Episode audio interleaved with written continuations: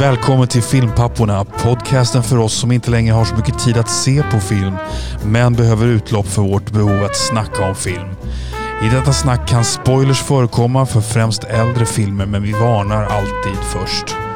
Podden är möjliggjord av den fantastiska redovisningsbyrån Ekonomihjälpen som ni kan läsa mer om på ekonomihjälpen.se. Och nu till Filmpapporna.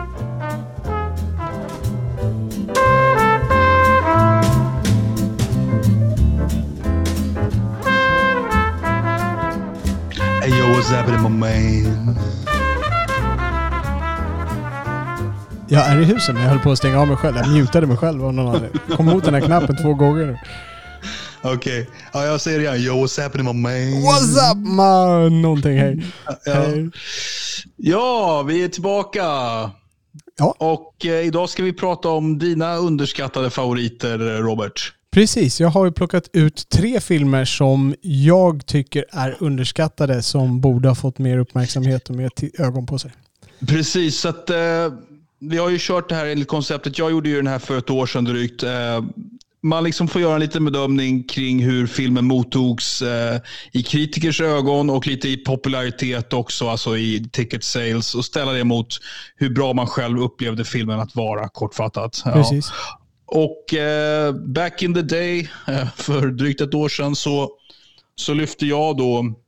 Kommer du ihåg vilka filmer jag lyfte när det begav sig, Robert? Jag kommer ihåg, jag tittade ju på de här filmerna då. Jag såg Under the Cherry Moon med Prince. Mm. Eh, Det var inte Prince eh, bästa i mina ögon. Jag såg, eh, vad heter den med Mickey Rourke? Boy? Homeboy. Homeboy hette Ja. den ja. Mickey Rourkes eh, boxarfilm. Mm. Eh, och vad var den tredje filmen? Påminn mig. Thunderbolt and Lightfoot. Thunderbolt and Lightfoot. Här är det alltså Clintan och Jeff Bridges vi pratar. Precis, det är en tidig Brokeback Mountain skulle man kunna säga. Ja, precis. Vi, vi diskuterade lite där om det fanns lite, lite homosexuella kärlekstendenser där som var kanske lite mer tabu på den tiden men som, som kanske fanns någonstans där under ytan.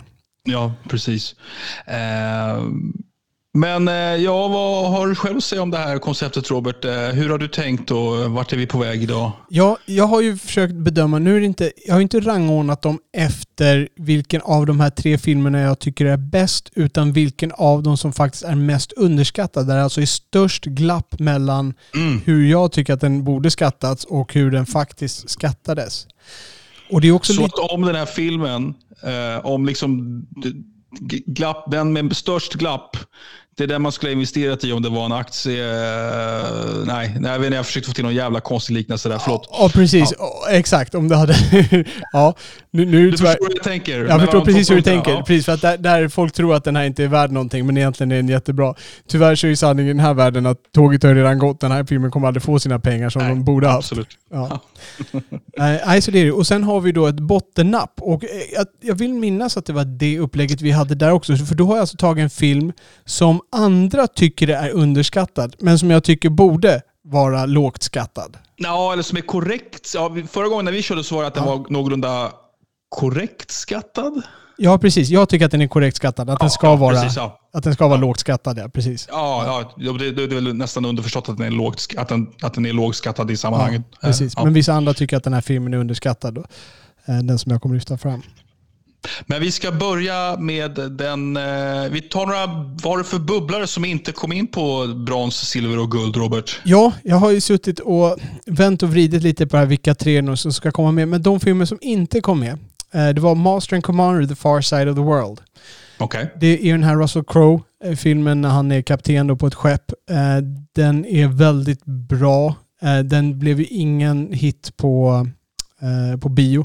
Ingen kassahit. Eh, Däremot så har den väl fått lite renommé efteråt och jag tror att den är, den är väl hyfsat högt skattad idag ändå, vilket man kanske kan prata lite om de andra filmerna jag har med på den här listan också. Men Så den det- seglade förbi lite grann i gemene mans ögon när det begav sig. mig. seglade förbi det. det var ju Ja, det var ju faktiskt lite oavsiktligt roligt där. Ja.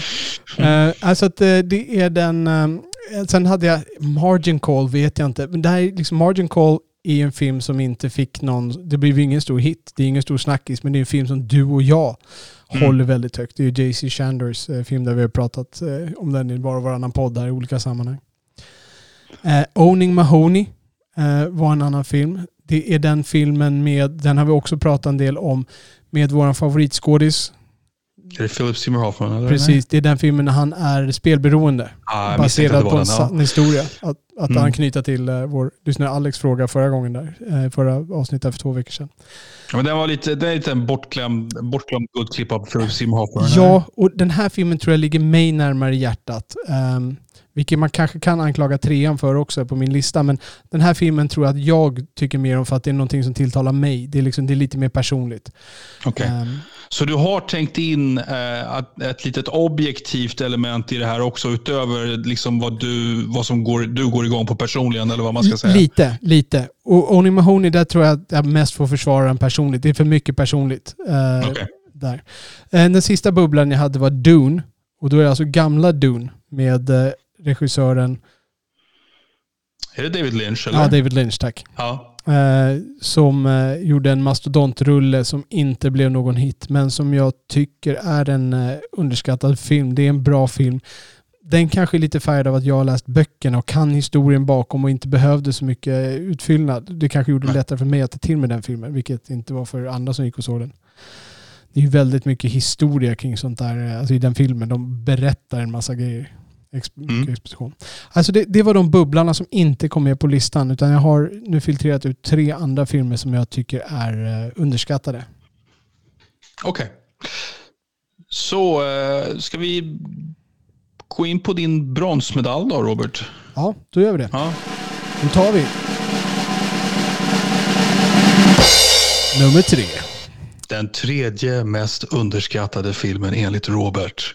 Ja, och då är det så här, den här filmen är nog högt skattad hos kritiker, men den här filmen flög förbi typ all radar, vad heter det? det, det, det jag vet inte någon som känner till den här filmen knappt. Det är en film av våran eh, kära regissör J.C. Shander som just har gjort Margin Call som vi pratar så mycket om. Vet du vilken film jag ämnar plocka ut som trea då? Jag misstänker att det är den här uh, där Robert Redford är ensam på någon båt. Va? Helt korrekt. All is Ja. lost heter filmen och det handlar om Robert Redford som är ute på en segelbåt. Han är på Indiska oceanen. Jag vet inte om han är på väg på någon världsomsegling. Man får inte så mycket bakgrundshistoria eller sådär. Den här filmen är nästan helt fri från dialog. Eh, överhuvudtaget. Det är inte mycket dialog överhuvudtaget i den här. Utan han är ensam på den här eh, segelbåten. Och segelbåten, han vaknar upp av att det läcker in vatten för han har krockat med en container. Som det är något lastfartyg som har tappat där. Så containern ligger och flyter och guppar. Liksom. Han har kört in i den och fått ett hål i sidan på sin båt. Det skapar problem när man är ensam ute på Indiska oceanen. Eh, så att han eh, börjar eh, han måste ju då börja reparera det här och det kommer utmaningar på utmaningar. Det är väderutmaningar, det är hålet som är en utmaning. Teknologin har blivit bröt, det är en utmaning och så vidare. Och det är liksom, han får utmaning på utmaning i den här situationen och det är hans kamp för överlevnad, kan man kalla det det. Eh, Och jag funderade på hur mycket den här filmen tilltalar mig för att det handlar om segling. Jag tycker ju om att segla numera. Min fru har fått in mig på det. Eh, från att vara uppvuxen på en motorbåt så har jag blivit seglare. Eh, men jag tror inte att det är så mycket. Jag, jag kan nog uppskatta många aspekter av den mer än andra för att jag gillar segling. Och jag är ingen duktig seglare på något sådär utan jag håller på att lära mig. Jag tycker att det är kul. Liksom. Eh, men jag kan uppskatta många aspekter, kanske andra. Men jag, jag tror att filmen i sig, det som gör den här filmen så bra är att eh, Alltså på något sätt, det, det, här, det här är lite svårt att förklara och jag tror jag lägger det lite i regissörens geni. Jag tror inte att det är bara jag som inbillar mig. För jag, jag, när jag tittade runt lite så här på reviews för att, påminna mig lite grann om den här filmen så var det flera andra som uttryckte liknande grejer. Men det finns någon sorts, ska jag kalla det metaforisk mening i det här. Eh, alltså det finns någon sorts Ehm, man, man, kan plocka någonting ur det, man kan se det här, man kan koppla an någonting till det här. Och det, jag tror att det kan vara lite öppet, man kan lägga in lite grann vad man själv vill i den här filmen. Eh, ja, det, det, var lite väl för öppet, men, men alltså man, kan, man kan nog hitta sina egna spår där mycket. Jag hittade mycket som jag kunde knyta an till i den här berättelsen. Um, och det finns också rent metaforiska inslag. Och nu ska jag inte spoila det med tanke på vår lyssnare som gav oss feedback. Vår lyssnare Bård hette han det. Mm, ja. För två veckor sedan här så hade han gett feedback om spoilers. Så jag ska inte spoila någonting. Men jag kan säga att just kring slutet där, där finns det många metaforiska inslag som man kan... Det finns många tolkningar man kan göra av, av slutet. Men det här personliga då, som du kan knyta an till, vad är, vad är det då? Kan du gå in på det? Ja, det, det är två aspekter. Dels är det ju seglandet. Dels är det ju liksom att han får en kamp om båt. När jag tittar på den här filmen då blir jag intresserad av hur, hur fasen reparerar man en sån här båt? Man har lite sån här äh, plastgrejer så det är rent praktiskt segeltekniskt. dels är det sådana saker där och, liksom, och, och vädret, hur påverkar det? Vad borde man göra? Borde man slacka seglet när det börjar blåsa storm där och bla bla bla. Sådana där saker. Så dels är det den biten som får. Men det andra är ju just hans hans kamp. Alltså han, är, han blir ju som att säga, man vet ju ingenting om den här personen. Eh, jag tror man vet att han har en dotter. Någon, någon, något sätt fick man reda på. Jag kommer faktiskt inte ihåg. Han tittar på en bild på henne kanske. Ja, någonting eller? sånt där. Jag, jag, tror att, det är, att han skriver något brev till henne. Jag kommer inte ihåg vad det är. Han fått något brev eller någonting. Um, så jag kommer inte ihåg hur den informationen kom till faktiskt. Men det var känslan jag hade i alla fall. Och jag, sen, sen bygger jag på. Jag lägger till mycket. För det finns så mycket oskrivet som jag själv fyller på i det Robert Redford spelar. Jag fyller på om hans karaktär, jag fyller på om, om hans bakgrund. Alltså jag kan bara gissa mig, ana mig till grejer.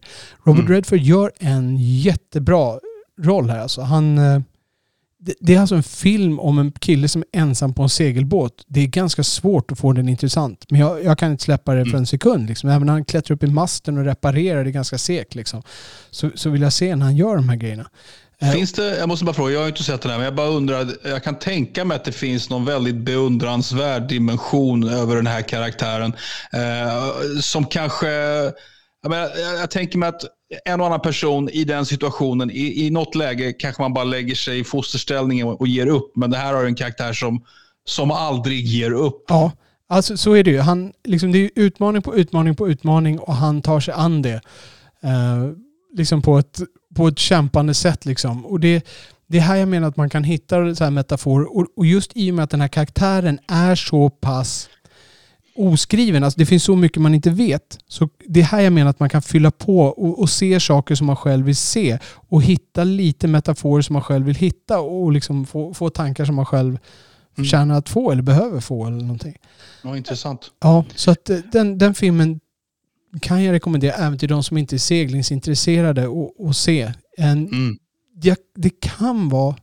Jag skulle vara jätteintresserad av att höra en eh, några, några kvinnor som såg den här filmen och, och, få ett kvinnligt perspektiv på den. Jag vet inte hur mycket manligt det är. Det, det skulle vara intressant att se och diskutera eh, någonting där. Um, ja, precis. Om det här är liksom... Det, det finns en gnutta match och så här, du vet, man kämpar mot naturen, man kämpar mot, liksom, man ger aldrig upp. Liksom.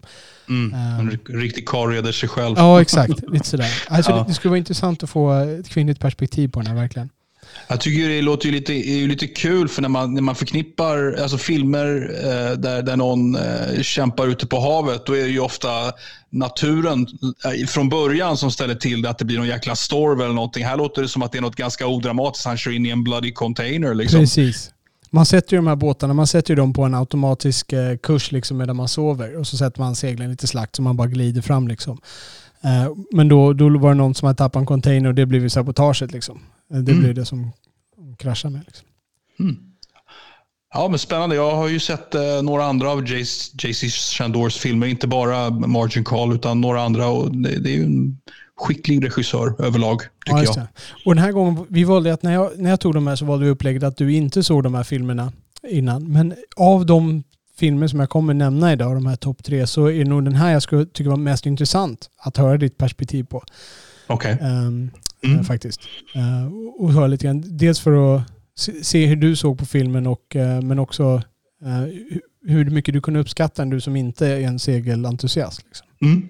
Absolut, men jag, jag, gillar, jag gillar sättet du lägger, som du, in lack of better words, sättet du säljer in den på här och nu. Att, att, eh, att det är så mycket eh, oskrivet att man kan fantisera själv lite grann kring hur han är och inte är. Och, ja, precis. Och så. Det är ja. mycket man får fylla i själv genom hans, hur, han hur han porträtterar den här karaktären. Liksom. Mm. Okej, ska vi gå vidare till eh, silverplatsen? Ja, silverplatsen. Och då blir det Nummer två som blir lite, lite tråkig. Um, så det är nämligen så att jag kommer gå tillbaka till en film som vi har talat om tidigare men om jag ska vara ärlig till konceptet så behöver jag ta upp den här och då går jag tillbaka till en av mina tio och det är Cloud Atlas. Okej. Det här är en, jag kunde inte ta bort den här. Det, det kändes inte så roligt att ta med den, men jag måste ha med den. Eh, det är en film som inte så jättemånga såg. Det vart en flopp ekonomiskt. Eh, och den, den har inte fått någon jättestor eh, kultstatus, även om det finns många som uppskattar den. Det här är en film av eh, bröderna, systrarna Wasko, Wachowski. Eh, Ihop med Tom Tykwer, eller hur? Ja, just det. Har du, har du rätt ut hur det ligger till med, med, det där, med det där upplägget mellan de tre? Visst är de tre personer som har gjort filmen? Ja, precis. Han har varit med och regisserat vissa delar där. Jag har inte rätt ut det där i detalj. Nej, det har jag inte. Nej. Eh, men han är med också där. Och det här är baserat på en, eh, en bok. Eh, det handlar om sex stycken karaktärer. Och de här karaktärerna, det är, liksom, det är sex historier då, där de här karaktärerna är huvudspåren. Det finns bak på slavtiden i USA så är det en advokat till en slavägare som är huvudperson i den historien. Sen har man, eh, jag vet faktiskt inte, kanske på 30-talet, kanske till och med tidigare, så är det en, eh, en assistent till en kompositör. Eh, och den här assistenten är homosexuell, vilket är ett större problem på den tiden än vad det är idag. Sen finns det en historia 1973 om en reporter som får lite läckt, rapport, läckt, läckt information om kärnkraftverk och sådär. Eh, vi har en nutida historia om en publicerare som tjänar storkovan på en klients lite tveksamma handlingar. Eh, sen går man in i framtiden och har då den femte historien från år 2144 där det är en klon i, i, i Korea, i Seoul. Eh, och då är det en klon som de då har gjort som ska tjäna överklassen, lite slav, lite slav tema på det också. Och sen ännu längre fram i framtiden, år 2311, när det är, vi vet inte vad som har hänt med jorden, men det är typ stenåldersmänniskor blandade med högteknologiska människor där och de har olika kapaciteter och sådär. Um, och de här sex historierna, de vävs då ihop, de varvas och det är samma skådespelare i de olika som spelar. Vi har Tom Hanks som spelar med och liksom i, i de här olika, då har han olika roller. Ibland har han bara en liten biroll, ibland spelar han en äcklig skurk och så har han huvudrollen i någon. Eh, vi har Hugh Grant är med. Susan Sarandon har en liten roll som hon hoppar in i. Eh, vem har vi mer? Vi har med Bakowskis favorit där. Vad heter han som spelar eh, Agent Smith? Det är den här, en medelålders man. Jag vet ju ja, vem du pratar precis. om. Jag vet inte vad han heter bara. Jag kommer, det kommer säkert till mig. Ja. VM detta spelade han ju. Han kallades för Veda va? Ja, det, det är Halle Berry är med i den här också och gör bra roller. Ja, det är... Uh, Ja, det, det, är många karaktärer och det är väldigt välgjort och som jag har nämnt tidigare så är det ju det som är, jag fann i den här, det var ju liksom budskapet som jag hittade i den. Och här kan man lyssna lite grann, man lyssnar runt lite grann när jag gjorde förarbetet till det här så är det ju lite, många andra kan hitta lite annat. Det går ju lätt att hitta lite reinkarnation och sånt där om det är sånt man söker efter och sådana budskap. Jag tror att, jag tror att det, det kan vara lite budskapet kan vara lite vad man vill, men om man ser den här filmen då behöver man vara beredd på att sitta tillbaka och se på en historia och sätta sig in i en historia. Den är lång, den är väl kring tre timmar lång. Okay, så det är inga snabba kickar i den? Nej, det är inga snabba kickar. Det är inte en massa action. Eh, men det är heller inte det är heller inte en massa krångliga intriger och sådär. Det viktiga är inte alla poänger i handlingen här. Det viktiga är hur det vävs ihop emotionellt i min värld, om jag får förklara det så. Mm. Du, du, vet att när du eh, lyfte dina IMDB 10 ja. eh, så minns jag att du hade ju Cloud Atlas och du hade eh, Arrival och då hade inte jag sett Arrival. Mm. Jag har sett den sedan dess. Cloud Atlas har jag inte sett, men jag minns att jag sa då att jag tyckte att jag, jag anade någon, någon slags själsligt band mellan de två filmerna. Och det var inte helt fel ute vill jag minnas när jag sa det. Nej, absolut. Båda de tilltalar mig på, på det sättet. Kanske Cloud Atlas mer eh, än, vad, än vad Arrival gör. Men det, det, är lite liknande. De ställer liksom en livsfråga. Så, mm. som, eh, som, som jag tar med mig i alla fall. Mm. Eh, och, eh, men Cloud Atlas var lite mer intellektuell och Arrival lite mer emotionell. Ja, ja precis. Så, så skulle jag nog sammanfatta det som. Ja. ja mm. Precis. Ja, men, eh, ja. Bra. Alltså Cloud Atlas är min uh, tvåa och uh, har man inte sett den här filmen så tycker jag att man, man ska ta sig den tiden. Men här behöver man skaffa en barnvakt och sitta ner och, och inte ha för höga förväntningar. Det här är inte riktigt för alla utan uh, det kan vara en resa att ta sig igenom.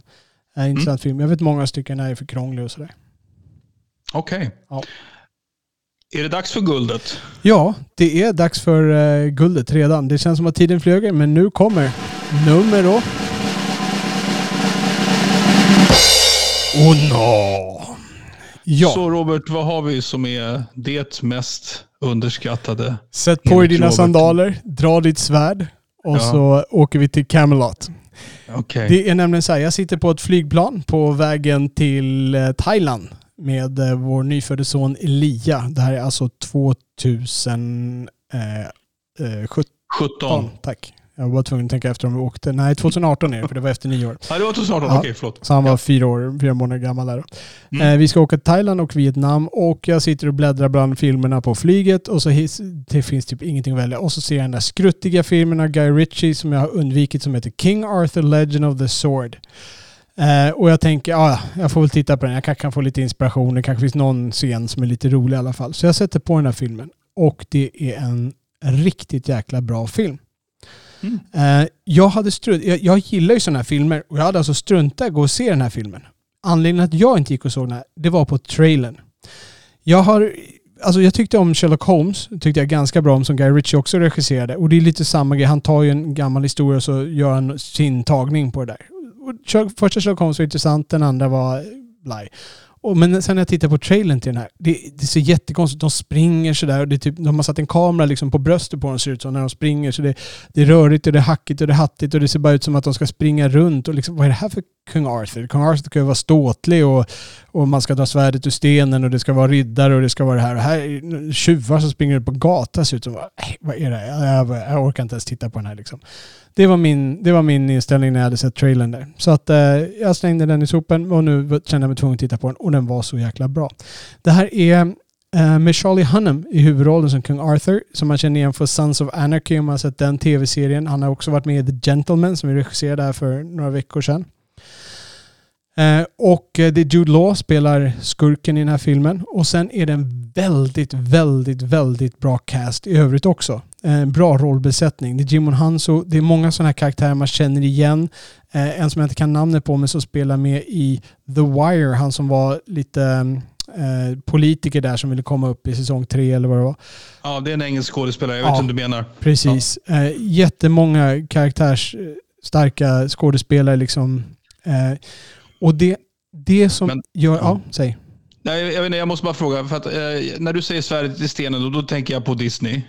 Ja, precis. Alltså det är ju, King Arthur är ju den gamla historien då från brittiska legender. Ah, okay. Och- för jag, bara, jag bara undrar, för att i, i Disney då är det ju en pojke som drar ur den, eller hur? Ja, precis. Fast här är han, är han vuxen, eller är, är det något han... Ja, berätta. Är han Jag tror, pojke att, eller jag vuxen? tror när att i originalhistorien är han kanske 16-årsåldern eller någonting sånt där. Ah, Okej, så pass gammal Ja, ändå. här är han lite Ja. äldre. Och de har gjort en egen version av det. För här är King Arthur, här är han en gatusmart småtjuv som har liksom blivit dominant i, i, i den här staden. Och om det nu är London, jag tror de kallar Londinium eller vad de kallar det. Eh, Det är väl Mm. romerskt namn på det som blir London sen. Ehm, och, och händelserna, liksom, hur det kommer hit och dit liksom. Men han snubblar i alla fall in på det här och till slut så står han där framför den här svärdet som är i stenen och de ska bara testa, liksom, de håller på att masstesta vem som kan dra ur det svärdet för att han, eh, skurken då spelad av Jude Law, han vill hitta den som kan dra ur svärdet så han kan döda honom så att han inte ska bli avsatt för legenden säger att han, den här som kan dra ur svärdet ska döda honom och så vidare. Eh, och då klarar han ju så att dra ur svärdet och då ehm, och då börjar ju liksom historien, då inser han att han är de facto kung Arthur, äh, arvtagare då. Och då, eh, ja, jag ska Men inte... fråga, för att Ja. jag vet inte, vi pratade ju om Guy Ritchie senast tror jag.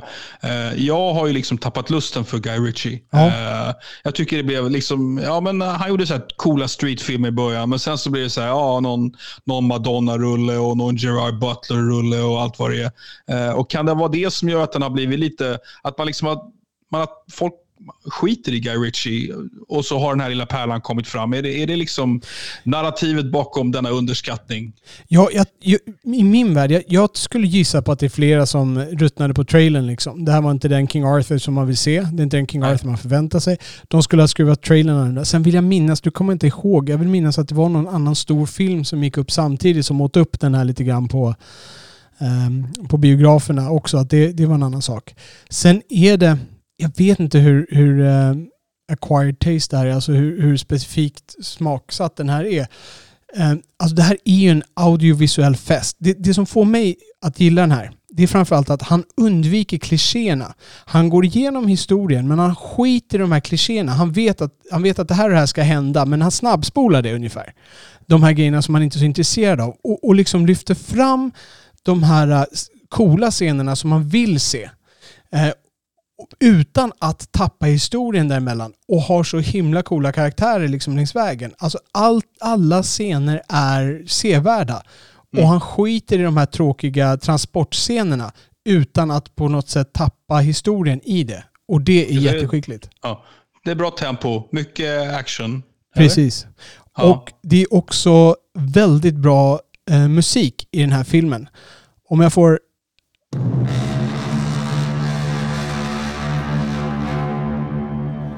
Göra så här och sätta på ett litet klipp här från början av filmen. Det här är när de berättar lite bakgrundshistorien och sen får man se hans far då som var kung innan, spelad av Eric Bana. När han strider mot den gamla elake trollkarlen. Eh, det är originell musik som förhåller sig till den här tiden. Men som har så himla punch i musiken. Jag kommer ihåg, jag läste om det här för länge sedan. Det är någon grupp, Daniel Pemberton är det som har skrivit den här musiken. Och det är någon grupp som spelar. Men eh, nu ska du få höra vad jag menar med eh, att det är lite punch. Tempo.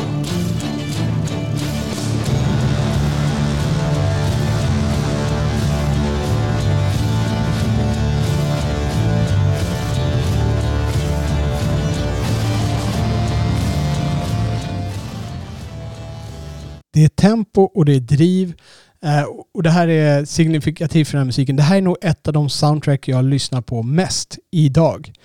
Um, och det är som sagt en audiovisuell fest. Alla scener är intressanta, han skiter i, i klichéerna och det gör att det bara är en så jäkla perfekt film. Och det här är utan tvekan den film jag grämer mig mest över att det inte fick en uppföljare. Det här var ju tänkt att vara den första installationen i en serie. Eh, jag trodde du skulle säga att det här är den film du grämer dig mest att du inte såg på bio. Ja, jag skulle ha gått och sett den på bio så många gånger som vill göra en uppföljare. Jag, jag, skulle så gärna vilja se en del till av det här. Alltså, jag är, alltså karaktärerna, är, det är bara så intressant att sitta och titta på. Jag kan sitta och gotta i den här filmen liksom. Um, bara, bara se men det. det. Blev, förlåt, men det blev ingen uppföljare för att den floppade? Eller? Exakt. Den, den hade en budget på 175 miljoner US dollar. Jag tror den spelade in 150. Inte ens det är världen över. Mm. Um, och då, då ströp de det. Och jag tror inte heller att den har fått någon särskild upprättelse efteråt. Och det är jättesynd för att de som har gjort den här filmen, de har verkligen äh, lagt ner sin skär. Jag vet att Charlie Hunnam, han, äh, han tränar och deffar så in i baljan. Liksom. Han är riktigt rippad i den här filmen. Liksom. Mm. Inte på ett dumt sätt, utan på ett sätt som passar rollen. Liksom. Äh, och de är riktigt... Äh, jag, men, jag tror nästan till och med att om du satte på den här skulle du kunna tycka att det var lite coolt. Absolut. absolut. Persbrandt är med på ett hörn också som en äh, viking eh, som är där och handlar med okay. honom. Vad, vad har han för replik? Säger han så här, oh no? Nej, alltså, nej, nej. Han, eh, han, är, han spelar en, eh, inte, inte på något sätt en jätteviktig roll, men han spelar en, en roll med lite signifikans. Han återkommer liksom. Ah, okay. han, har, han har en liten roll i historien att spela. Så att, mm. nej, det, det är bra. Alltså okay. att den, den filmen, jag kan verkligen, alltså gillar ni sådana här filmer och har skippat den här filmen, eh, se den. Alltså det är en, det är en audiovisuell fest. Det är, liksom, det, det är lite Guy Ritchie. Det är, det är drag, om man gillade Sherlock Holmes, liksom, hans tagning på det där, det, det är lite roligt. Han, han leker med det här också på ett, eh, på ett tillräckligt respektfullt sätt och gör en cool historia av det här. Eh, mm. Min respekt för Guy Ritchie den gick upp mycket med den här filmen och sen nu med Gentleman här senast så tycker jag att han har, håller en bra form. Han gör underhållande filmer. Eh, och det här är kanske en av de mest underhållande kanske jag vågar säga. I alla fall det är den mest underskattade. Den, den förtjänar ett mycket bättre öde ser jag. Jag tror att de som gillar den här genren borde gilla den här filmen bättre än vad Skulle du vilja se honom regissera en James Bond-film?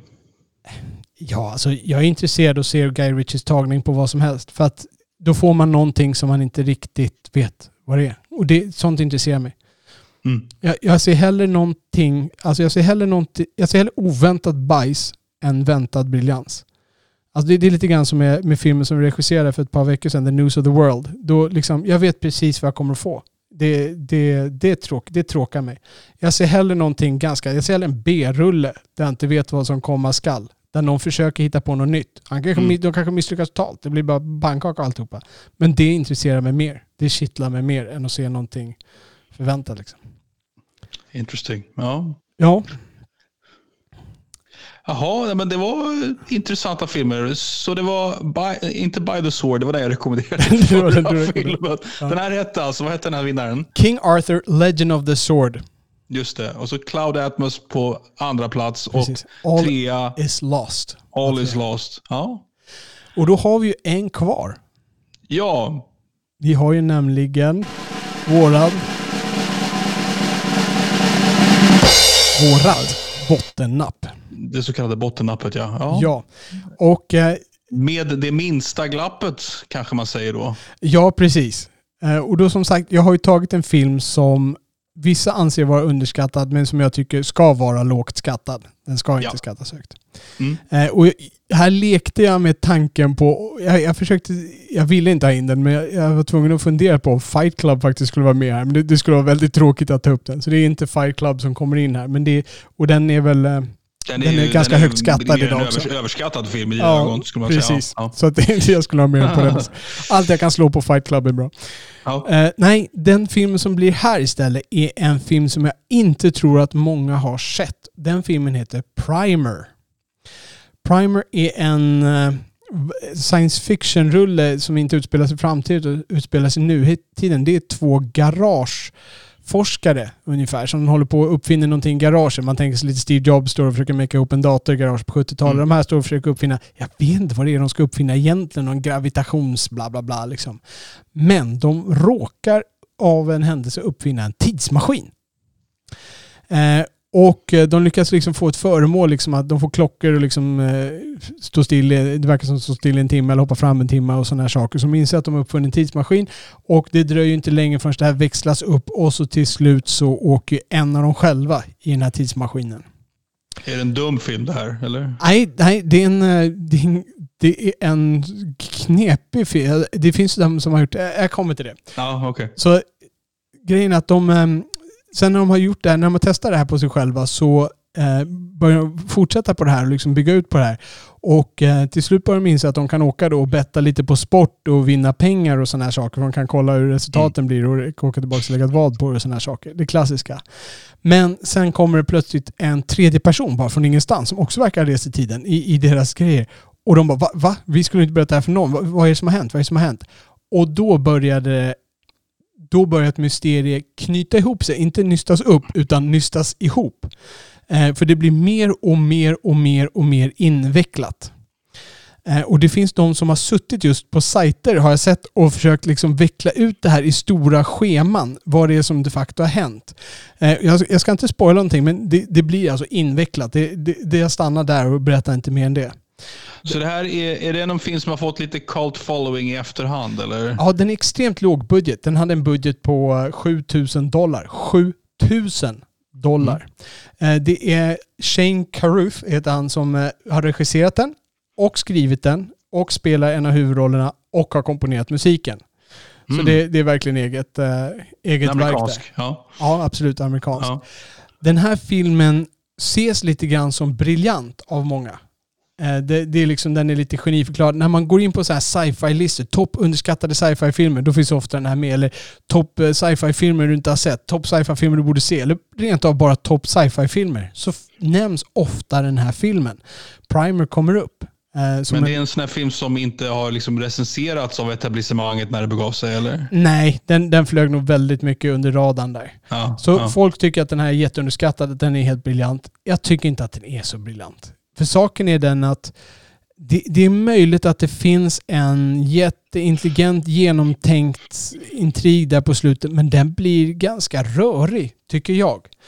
Det kan vara mitt intellekt som, eh, som inte var tillräckligt, min uppmärksamhet vid tillfället som inte var tillräcklig. Men jag gillar ju sånt här. Jag gillar ju liksom Matrix när han kommer in och pratar med den här, eh, i Matrix 2 när han pratar med den här eh, konstruktören eller vad han heter. Liksom. Jag gillar ju att sitta och lyssna på honom och försöka röda ut vad det är han menar och sånt där. Och här, jag, sitter, jag försöker följa med den här och verkligen wow och försöka se vad det bygger upp. Men det är bara, det är bara nystar och nystar och nystar och sen är det bara bäh känner jag. Mm. Eh, jag, får, liksom, jag får inte ihop det. Det är möjligt att om man går in och, gör ett sånt här eh, diagram på det här så är det helt genialt. Men det är inte riktigt det jag... Det är lite för långt i det intellektuella på en filmupplevelse. Det ska fortfarande vara en filmupplevelse när man sitter och tittar på den. Och jag känner att jag får ingen riktigt bra filmupplevelse. Den, den börjar eh, okej och sen eh, känns det som att oj, nu händer det något spännande. Wow, vad är det här? Och så blir det bara nyst. Det blir bara, det blir bara stort garnnystan Mm. med det hela. Så att den filmen tycker jag in, den, den ska vara lågt skattad. Den är inte så jättebra. Det, det är ett kul grej. Alltså för ett garage. All heder till Shane Carruth som har gjort den här filmen. Alltså all, all heder. Skitkul för honom. Jag undrar honom allt han får av den här filmen. Men jag själv tycker inte att den är så bra. Jag skattar den inte så jättehögt. Den är inte så genial som film som Mm. jag ser det. Ja, den, den, man kan ju säga att eh, den, den stiger, eh, rent objektivt stiger den väl i mina ögon för jag hade inte hört talas om den och nu har jag, har jag hört talas om den. Ja, Så jag, jag, jag känner till den nu i alla fall. Så. Ja, nu har du med Ja. den på en rad. Du kommer märka när du går in på någon sci-fi-lista där som du väl ofta gör på YouTube. Kommer Ja, du märka av primer. Ja. Får, får jag bara säga, om man får säga, Oliver, ha, vad är din favorit sci-fi-film? Oj, du skulle ha ställt mig frågan i förväg så jag kunde förbereda och tänka lite. Okej, så du tänker igenom alla Ja, tre sci-fi-filmer ja. Ja, men jag vet, nej jag vet inte. Uh, Matrix, det, är det sci-fi? Ja, det är sci-fi. Matrix tyckte jag om Ja. när det begav sig. Ja. Eh, vad, vad finns det mer för sci-fi-filmer jag har sett? Arrival hade du uppenbarligen sett. Ja, Eh, men Arrival, Arrival tyckte jag om. Det, Ja. var, det, var, eh, det, var, det, var, det var inget mästerverk, men det var ändå en så genomarbetad, bra, bra film. Liksom. Mm. Det inget snack om saken. Uh, ge mig några fler. Vad har vi Star mer? Wars, givetvis. Ja, det- jag var åtta. Det var Ja. bra då. jag har sett om dem. Men... Ja, Blixtgården. Eh, Vad sa du? Blixtgården. Nej, jag har inte sett det. Nej. Eh, nej, men jag uh, sett för lite alltså. Ja. Men eh, Arrival och Matrix är eh, högst godkända filmer. Det Okej. tycker jag. Ja. Så nu får jag fråga också, nu när jag har slagit, slagit på Cloud Atlas två gånger här på två olika topplistor. Är det, är det någon film, har, det, har du blivit mer nyfiken på att se Cloud Atlas? Alltså jag måste erkänna att jag var mer intresserad av det när du pratade om det första gången. Ja, För då summerade du det eh, med din INB, INDB punchline där, for the message only. Och det Ja. var liksom, nu börjar jag inse att den är ju ganska långsam och kräver lite tid. Så att, Ja. ja. ja, ja, jag vet inte, jag är inte riktigt lika thrilled about it nu. Nej, Eh, jag kände att jag kunde inte dra samma grej igen där. Så jag nej, nej, jag fattar det. dra lite snabb, snabbare vinkel. där. Men eh, All is lost och King Arthur-filmen, det verkar väldigt intressant måste Ja. jag säga. King Mm. Arthur kan du nog sätta på. Jag tror till och med du kan tycka att den är lite cool. Det ska vara cool. I och för sig, du är inte så stor Guy Ritchie-fan. Har du sett de här Sherlock Holmes? Jag har ju inte det. Nej. Okej. Ehm, jag, tycker ju, den jag tycker mest av honom det är nog eh, Snatch faktiskt. Mm. Som ju är mindre skattad än Lockstock and Two Smoking Barrels som jag minns det. Ja, just det. Ja, Mm. nej, men eh, då kanske vi ska ta och knyta ihop eh, säcken med dig. Ja, Eh, Det var kul att få leverera den här eh, listan nu till slut här. Eh, ja, det var väldigt intressant och ehm, ja, Och det- ögonöppnande. Det, det- det var, var- nya, nya filmer, tre nya filmer för mig, mer eller mindre. Och det, det var ju väldigt stor skillnad på din och min lista, vilket man kanske kan ana också. Eh, Ja, eh, jag tog ju en liten annan rutt. Eh, Jag, vad ska man säga, jag, jag kan, ja, jag tog ju lite annan rutt än dig när det begav sig. Det var mer retro från din sida också där. Ja, det var mer retro, det är sant. Det Ja. är sant. Och, ja, jag vidhåller ju att Homeboy har eh, en, en fin så här, mänsklig vinkel kring eh, hur de flesta down and out boxare kanske blir.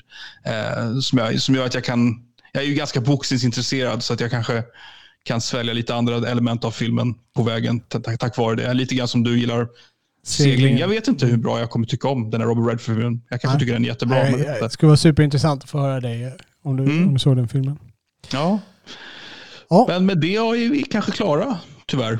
Ja, eh, knyt ihop säcken. Ni som vanligt så kan lämna kommentarer på vår hemsida eller eh, på Twitter, filmpapporna, at filmpapporna på Twitter då. Vi Ja. tackar den eminenta redovisningsbyrån Ekonomihjälpen som möjliggör den här podden. Jag tackar dig. Oliver. Tack för tre fina tips Robert. Tack alla ni som lyssnat. Yes, ciao.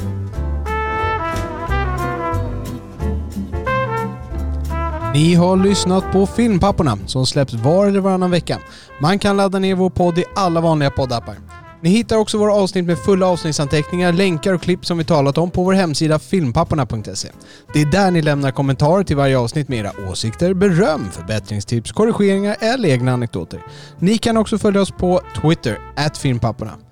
Och med det så tackar vi redovisningsbyrån Ekonomihjälpen som möjliggjort denna podd och önskar er alla mörka salonger och så salta popcorn.